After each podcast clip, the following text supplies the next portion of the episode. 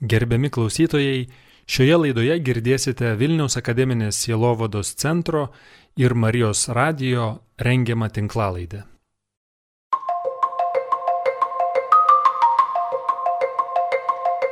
Labas visiems klausantiems. Jūsų dėmesio į tinklalaidę galima aiškiau.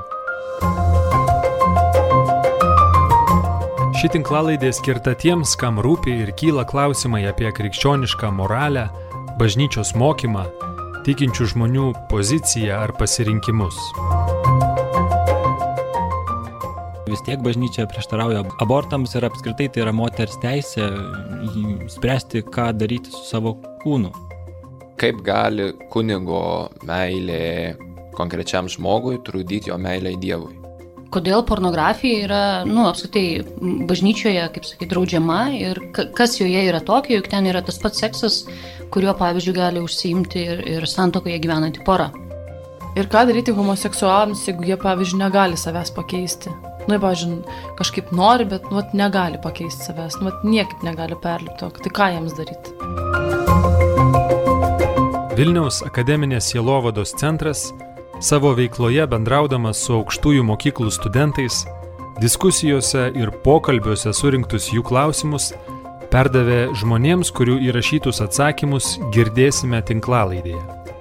Tai katalikų pasauliečių iniciatyvos Kataliko balsas vadovė Lietuvoje Toma Bružaitė, gydytojas psichiatras, daugelio knygų skirtų šeimos santykiams autorius, Vilniaus šeimos centro konsultantas profesorius Gintautas Vaitoška, Natūralaus šeimos planavimo asociacijos vadovė Elena Kosaitė Čipienė ir edukologas knygos Meilės pamokos autorius Richardas Pagojus. Kodėl pornografija yra, nu, apskritai, bažnyčioje, kaip sakyti, draudžiama ir kas joje yra tokio, juk ten yra tas pats seksas, kuriuo, pavyzdžiui, gali užsiimti ir, ir santokoje gyvenanti pora. Kodėl tai yra blogai? Seksas arba lytiniai santykiai bažnyčios požiūrių yra skirti vyrui ir moteriai santokoje, tai reiškia sutoktiniams. Ir bažnyčia iš tikrųjų, aš skaitydama bažnyčios dokumentus atrandu tokį labai pagarbų požiūrį į lytinius santykius, beveik kaip į tam tikrą, na, liturgiją vos ne. ne. Ir ta pagarba išreiškiama būtent tuo, kad apie, apie lytinius santykius nekalbama už kiekvieno kampo, ar jie nėra demonstruojami atvirai. Tai pornografija yra tas toksai pernelyg atviras demonstravimas to, kas iš tiesų yra skirta e, dviejų žmonių intimiam bendravimui. Vėl aš pasitelksiu Joną Paulių II, kuris sako, kad pornografija parodo ne daugiau, o parodo mažiau. Pornografija parodo mažiau tiesos apie žmogų. Ten mes matome kūną ir ką kūnas gali, bet mes nematome, na, yra nerodomas asmuo.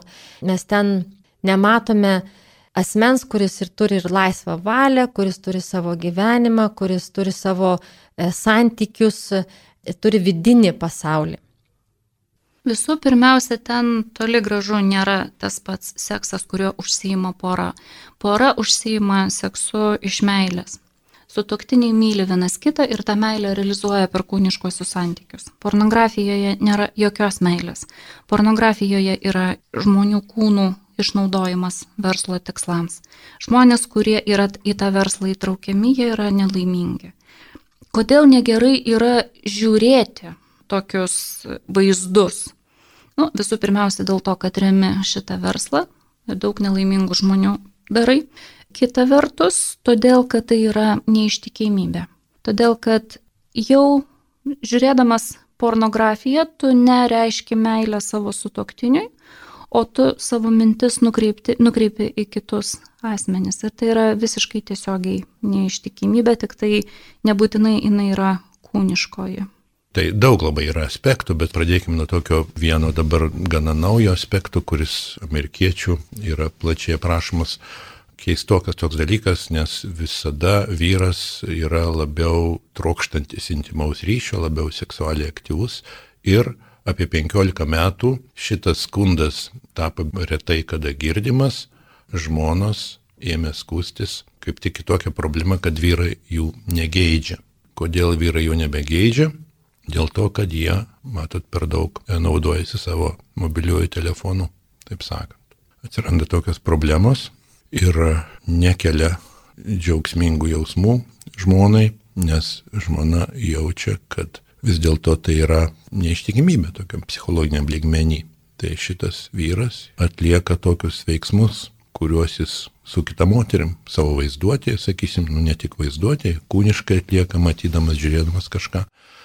Iš tiesų tai yra skaudu tam žmogui, kuris jį myli, žmona šiuo atveju.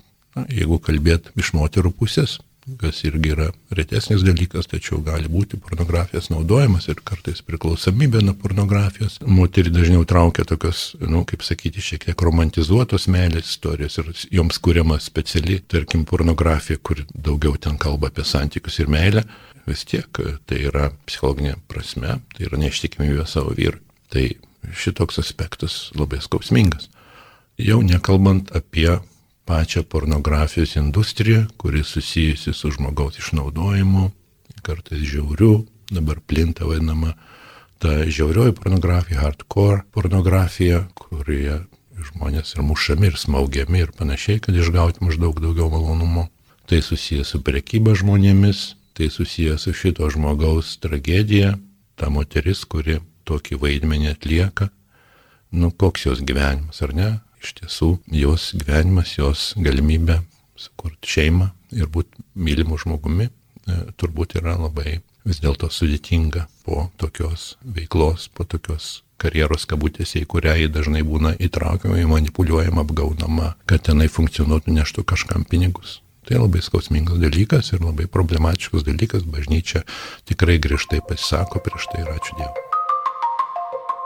Kas yra mažesnis blogis? Ar šviestis ir domėtis per pornografiją ar būti visiško analfabetu? Aš nesirinkčiau iš dviejų blogių. Kam rinktis kažką, kas yra blogai, vertint, kuris blogis yra mažesnis. Blogis šis nereikia rinktis. Nei pornografija yra verta ją domėtis, nei būti analfabetu. Dabar švietimasis per pornografiją apskritai yra netinkama frazė. Todėl, kad pornografija jinai nešviečia. Pornografija tai nėra tiesa. Tai, kas vyksta e, pornografijoje, tai nėra tai, kas vyksta realiame gyvenime. Tai nėra santykiai tarp mylinčių žmonių. Žmonės iš pornografijos nesimoko. Pozų mokytis nereikia. Jas mes žmonės gyvendami kartu patys galime kuo puikiausiai atrasti, kas mums gera, ką gero aš galiu savo sutoktiniui padaryti ir ką jis man gero daro. Pornografija jinai atvirkščiai nukreipia nuo meilės prie technikos. Jeigu mes galvojame tik apie malonumą, litinis aktas jis praranda savo prasme. Pati pirmoji litinio akto prasme, pats pirmasis tikslas arba visiškai tiesioginis tikslas yra meilė kitam žmogui, meilė savo sutoktiniui, suartėjimas su savo sutoktiniu. Tikslas yra kitas asmuo. Malonumas tokiame akte yra tik šalutinis efektas. Labai pageidaujamas šalutinis efektas, bet tik tai šalutinis efektas. Ir jeigu malonumų nėra, bet yra meilė, jau yra didelis dalykas.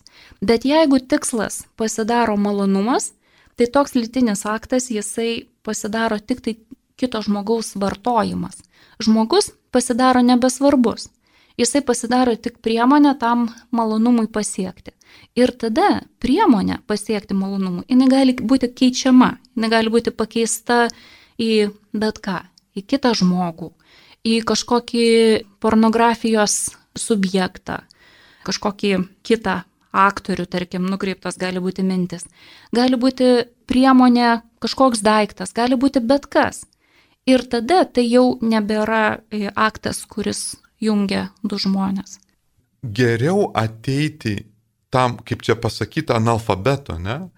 Ir mokytis lytinių santykių kartu su savo žmona arba su savo vyru ir derintis kartu. Ir manoma, kad kai kuri literatūra rašo, kad pilnai du žmonės gali pritapti per du metus. Tai reiškia, kad reikia dviejų, nu, maždaug, nu, tarkim, imkim pusantrų metų, kad žmonės pritartų ir išmoktų, suprastų savo, savo veiksmus, savo jausmus, savo potyrius, save ir kitą lytinių santykių metu. Ir tam reikia laiko, ir tam reikia mokytis. Ir geriau tą daryti, ateiti va tokiam ir nuo tos abecelės mokytis kartu su, su savo sutoktiniu, su savo žmogumi. Pornografija yra skirta tam, kad na, sujautrinti žmogaus tą lytinį potraukį ir sužadinti aistrą ar gašlumą. Jos tikslas nėra šviesti, jos tikslas yra tiesiog pagauti tą instinktą, jį kažkaip na, su, sujautrinti ir būtent dėl to žmonės kartais būna net priklausomi nuo pornografijos, nes jiems to sujautrinimo reikia vis daugiau ir daugiau. Tai pornografija nėra švieti švietimo programa.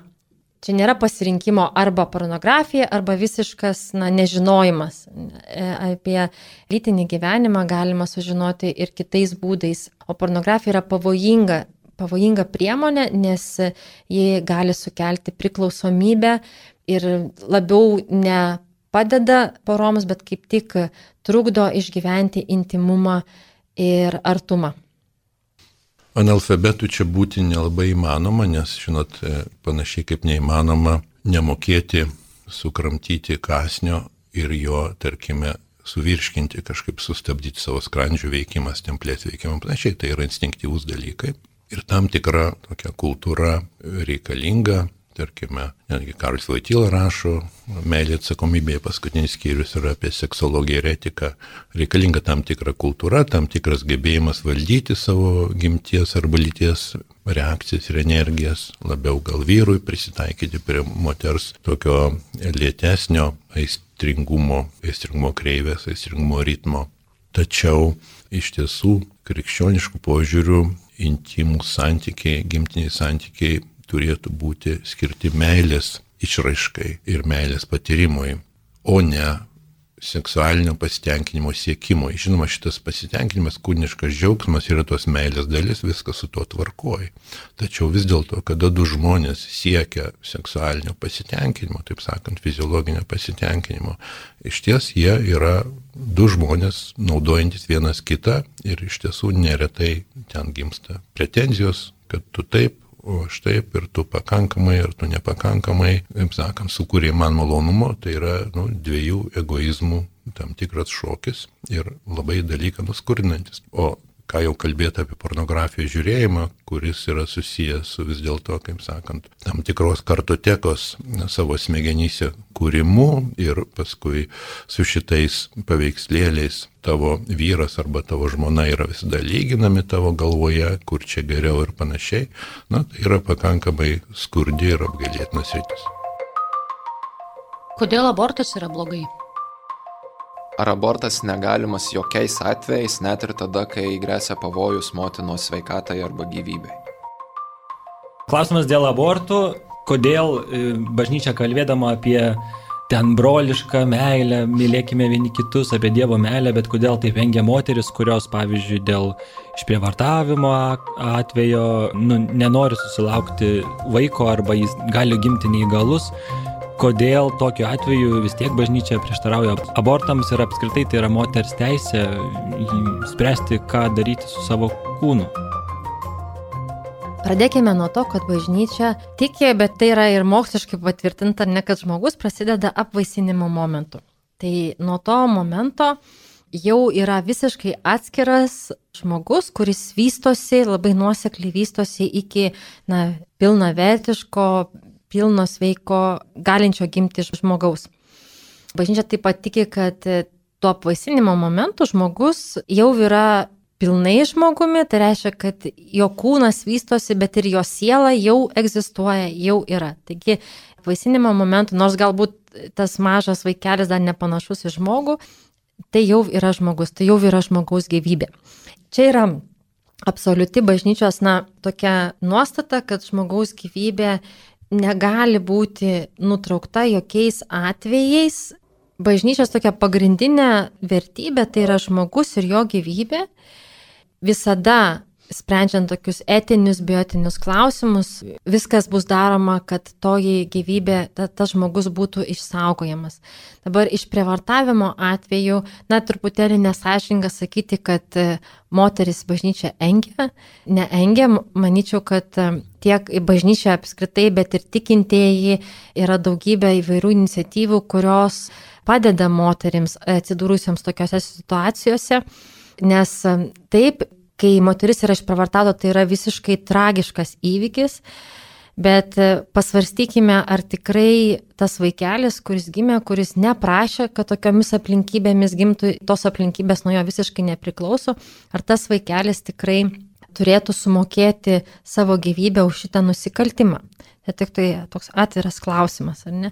Abortas nėra vienintelė išeitis. Man atrodo, kad mes kartais suklystame, manydami, kad tai yra vienintelis kelias. Ne, moteris gali pagimdyti, gali atiduoti vaikinti, galiausiai yra daugybė pavyzdžių, kai moteris ir iš privartavimo atveju susilaukia vaikelio ir jį myli ir mato jį kaip tam tikrą vienintelį gerą dalyką, kuris išėjo iš tos situacijos geras. Lietuvoje abortą yra galima atlikti iki 12 savaičių, nesant jokių visiškai indikacijų, nuo 12 iki 22 savaičių, jeigu yra kažkokių priežasčių, medicininių priežasčių. Pavyzdžiui, grėsia pavojus motinos sveikatai arba gyvybei arba panašiai. Ir dabar įsivaizduokit, jeigu yra 22 savaitės, tai yra 5 mėnesių vaikelis. 22 savaičių gimęs vaikelis, jau jisai gali ir išgyventi. Tai kodėl manyti, kad 22 savaičių vaikelį nužudyti tol, kol jisai pilve, nieko tokio, o jeigu jis, jis jau gimtų, jį nužudyti jau būtų labai didelis blogis. Čia yra savęs apgaudinėjimas, žmonija save apgaudinėja, todėl kad priimti naują gyvybę reikia labai daug drąsos didelė dalis žmonijos nėra pasiruošusi kiekvieną kartą priimti užsimesgusią gyvybę. Jeigu mes turėsim nuostatą, kad gyvybė yra nuo paisinimo momento, tai mes tada turėsim dvi gyvybės vienose svarstyklėse ant dviejų lėkštučių. Kuri gyvybė yra vertingesnė - motinos gyvybė ar kūdikio gyvybė? Jeigu gelbsti motinos sveikatą ir gyvybę, ar tikrai kūdikio gyvybė yra mažiau vertinga? Ar jį tikrai dėl to yra verta šalinti. Čia yra pamatinė nuostata, kurios negalima apeiti. Negalima svarstyti, kokie yra tie atvejai, kurie vis dėlto kažkaip čia, nu, va, ypatingos kažkokios situacijos susideda ir gal vis dėlto kažkaip yra svarbiau. Jeigu mes lygiai taip pat palygintume, turime naujagimį ir turime motiną, kieno gyvybė yra vertingesnė. Abi gyvybės yra vertingos. Abortas jokiais atvejais negali būti gėris. Jis yra vienprasmiškai blogis. Tada moters teisė spręsti, ką daryti su savo kūnu. Tiesa, kad moteris sprendžia, ką daryti su savo kūnu. Bet vaikelis nėra moters kūnas. Niekaip nėra jos kūnas. Kiekviena vaikelio kūno lastelė, jinai skiriasi nuo motinos kūno lastelės. Kiekviena moters motinos kūno lastelė, jos tarpusavį yra identiškos, ta prasme, kad kiekviena turi tas pačias 46 chromosomas. Vaikelio lastelės yra svetimos motinos organizmui, 23 chromosomos yra svetimos motinos organizmui. Šitas organizmas, jis yra visiškai savarankiškas, jis yra pats savo. Todėl, kai sakoma, kad moteris negali su savo kūnu daryti, ką nori, tai vaikelis yra jos kūne, bet tai nėra jos kūnas. Bažnyčia yra turbūt viena iš nedaugelio institucijų, kuri rūpinasi šitomis moterimis, kurios didelė dalis jų kenčia labai didelį skausmą visą savo gyvenimą. Ir bažnyčia organizuoja tokių moterų ir sielovadą, Ir įvairios yra grupės, kurios specialiai tokio moterim padeda, tarkim, Rachelės rekolekcijos vyksta ir Lietuvoje. Yra išlaisvinimas, gydimas, paguoda moteriams, kurios yra patyrusios abortą. Abortas tai nėra moters laisvas pasirinkimas, dažniausiai tai nėra moters laisvas pasirinkimas. Tai yra labai skausmingas sprendimas, kurį moteris priima, atsidūrusi labai sunkiose gyvenimo sąlygose. Ir ji tą sprendimą priima tikrai ne iš džiaugsmo, ne iš malonumo, ne iš tingėjimo. Jinai tą sprendimą priima iš didelio skausmo, kad aš negaliu savo šito leisti. Ir bažnyčia taip pat organizuoja ir įvairias prevencijos galimybės. Bažnyčia, kitos institucijos, tarkim, e, krizinio neštumo centras visais būdais padeda moteriams jau patyrusiom abortus, bet labai padeda moteriams, kurios svarsto apie šitą sprendimą tai yra vieta, kur moteris gali ateiti ir, ir gauti fizinę pagalbą, gali gauti finansinę pagalbą. Bet svarbiausia, ką jinai gauna, jinai gauna palaikymą, jinai nebesijaučia vieniša. Žiūrėkit, va, yra celibatas, kunigai negali tuoktis, negali turėti žmonos, negali susilaukti vaikų ir yra daugybė homoseksualizmo atvejų iš kunigų pusės, daugybė pedofilijos skandalų. Gal, pavyzdžiui, jie neįkūnydami to savo vyriškumo paskui ir, ir krypsta ir linksta į tuos visus nukrypimus. Šitoje srityje yra padaryta daugybė tyrimų ir nėra jokio tyrimo, kuris rodytų kažkaip ryšį tarp celibato ir tų nukrypimų ar tų nuodėmių tų um, nusikaltimų, kuriuos padaro vyrai kunigai e, būtent litiškumo srityje. Tai celibatas nėra priežastis nei homoseksualumui, nei pedofilijai. Ir kitas dalykas, ar celibatas padėtų išvengti, na, žinot, čia įsivaizduokite, na, mes matom kunigą vyrą, kuris turi problemų, nesusitvarko su savo litiškumu, nesusitvarko su savo polinkiais ir mes sakom, na, duokim jam žmoną, tarsi kažkokią priemonę, vaistą, tai bent jau tada susivaldys jisai. Ne, tai mes, mes tą moterį, kurią siūlome, e, paverčiame tam tikrą kažkokią priemonę. Ta moteris neišgydys to vyro. Kaip gali kunigo meilė konkrečiam žmogui trukdyti jo meilę į Dievui? Jeigu dabar pasaulyje kunigų mažėja, o kunigų poreikis išlieka, gal tada labai praktiška būtų panaikinti celibatą, ateitų daugiau kunigų ir bažnyčia būtų stipresnė kaip organizacija, kaip bendruomenė. Kunigo meilė konkrečiam žmogui tikrai negali trukdyti jo meiliai Dievui. Meilė žmogui yra dalis meilės Dievui, jeigu taip galima sakyti. Čia klausimas tik tai, kaip mes tą meilę išreiškėme, kokiu būdu mes tą meilę įgyvendiname. Padaugėtų kunigų, jeigu būtų leidžiama Jeigu būtų panaikintas celibatas, tai čia reikėtų prisiminti, kad katalikų bažnyčioje jau yra kunigų, kurie yra susituokę, nes katalikų bažnyčia turi daug tokių dalių, daug e, keletą tokių rytų, taip vadinamų, kur susituokę vyrai gali tapti kunigais. Ir aš čia prisiminsiu vieną tokį, vieną ortodokso, kur ortodoksų bažnyčioje taip pat kunigai gali toktis, vieną komentarą, kuris sakė, kad na, mūsų patirtis rodo, kad celibato nebuvimas nepadaugina kunigų. Taip sakant, kunigų nepadaugėja, kunigų pas juos ortodoksų bažnyčioje kunigų nėra daugiau, nors celibato ten nėra. Taigi neturime priežasties manyti, kad panaikinus celibatą atsirastų daugiau kunigų. Kodėl homoseksualizmas blogai?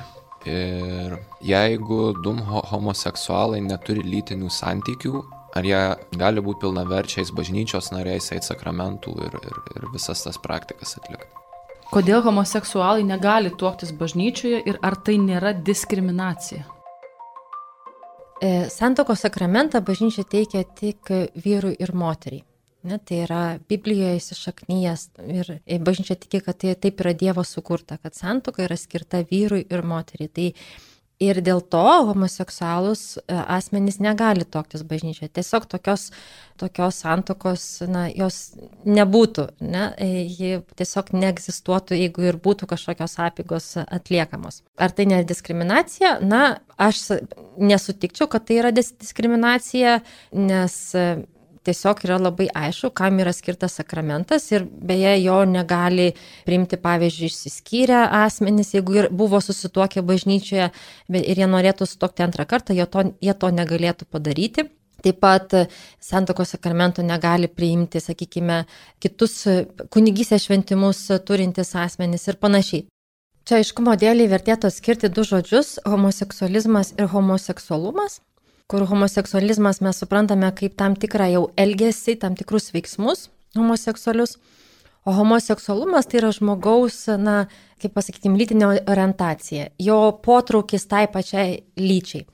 Ir homoseksualumas kaip toks nėra iš esmės blogis, tai nėra nuodėmė. Tai bažnyčia būtent taip ir sako, kad homoseksualumas nėra tai, kas, dėl ko reikia smerkti žmogų, bet e, smerkiamas yra pats veiksmas, ar nenodėmė yra pats veiksmas, kai žmogus jau padaro kažkokį neskaistų veiksmą, skatinamas tų homoseksualių polinkių. O klausimo dalis, ar gali du homoseksualūs asmenys neturintys lytinių santykių būti pilnaverčiais bažnyčios nariais, tai taip, tikrai gali, e, nes nuodėmė yra būtent lytiniai santykiai už santokos ribų. Tokią nuodėmę gali padaryti ir nebūtinai homoseksualūs asmenys. Ne?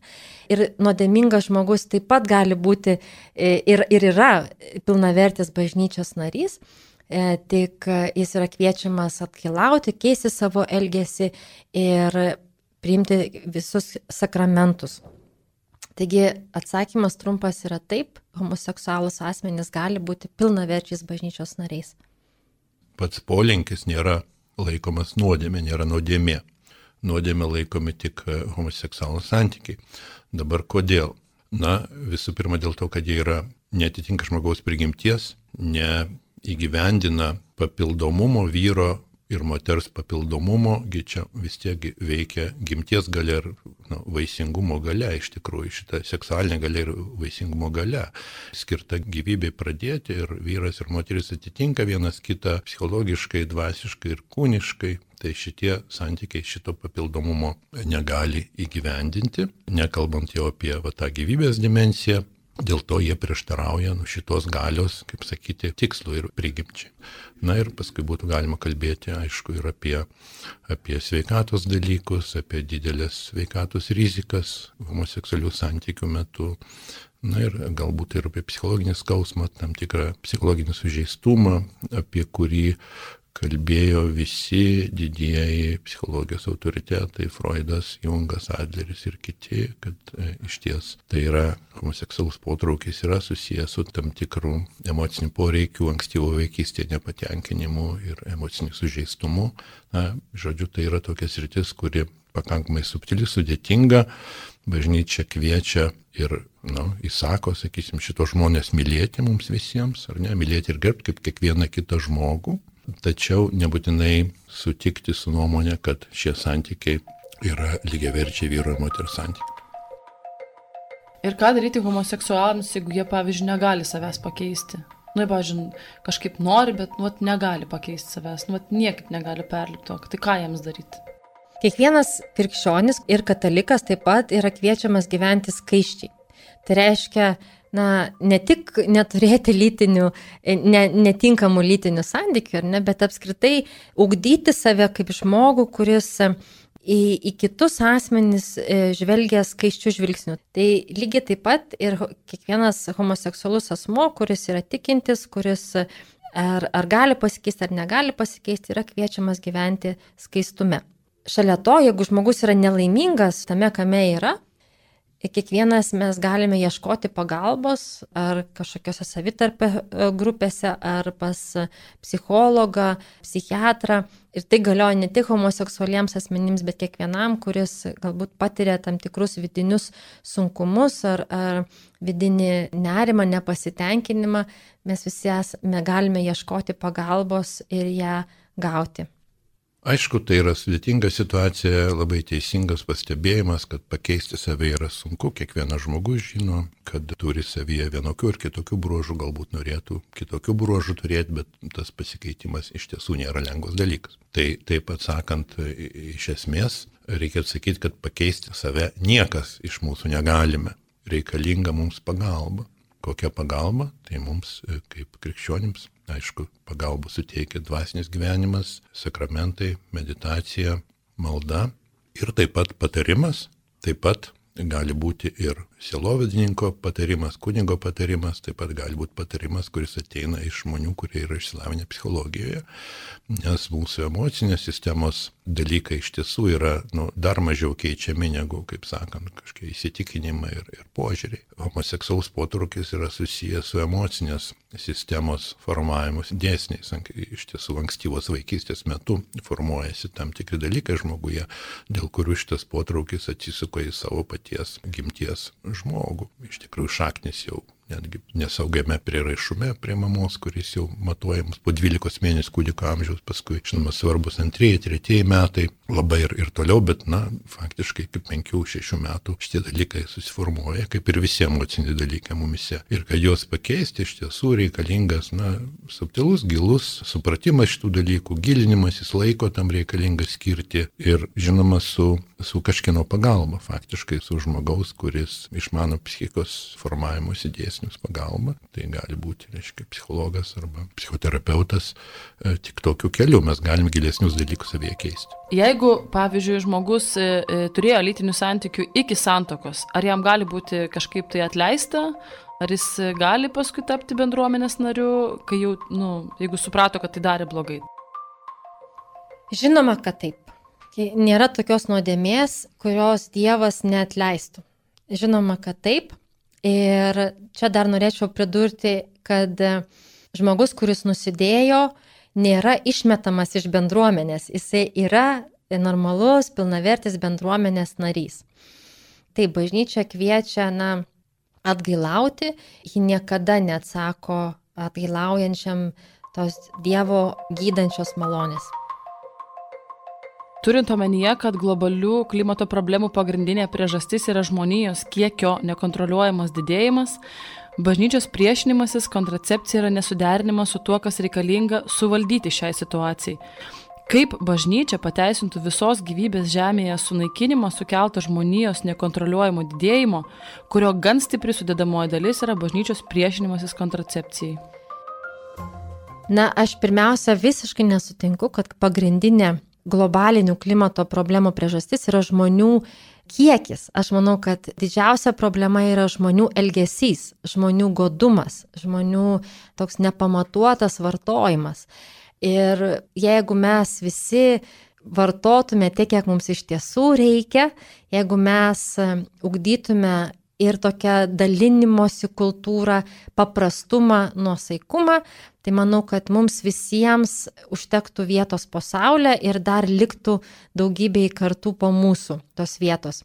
Taigi žemės pakanka tiems žmonėms, kurie yra, ir, bet tiesiog mūsų resursai yra netolygiai pasiskirsta. Būtent dėl to, kad esame godus ir norime patogiai gyventi ir kartais e, už tą savo patogumą sumokame kitų žmonių sąskaitą. Na, taigi tas žmonių kiekis problemų neįspręs. Nu, pažiūrėkime, prieš daugybę metų buvo žymiai daugiau žmonių, ar buvo mažiau problemų. Ne, nebuvo, jos tiesiog buvo kitokios, galbūt išoriškai, bet vidumi jos buvo, na, tokios pačios. Viskas kyla iš žmogaus vidaus, iš jo iš jo tokio savanaudiškumo, iš jo begalinio noro vartoti, noro patogumo e, ir tokio nesiskaitimo su kitais žmonėmis. Galima aiškiau parengėme kartu su Vilniaus akademinės sielovados centru. Dėkojame visiems, kas kėlė klausimus ir juos perdavė, bei tiems, kas įrašė savo atsakymus šioje ir kitose galima aiškiau tinklalaidėse. Ir žinoma, ačiū, kad klausėte. Mano vardas Rimas Macevičius. Sudiev.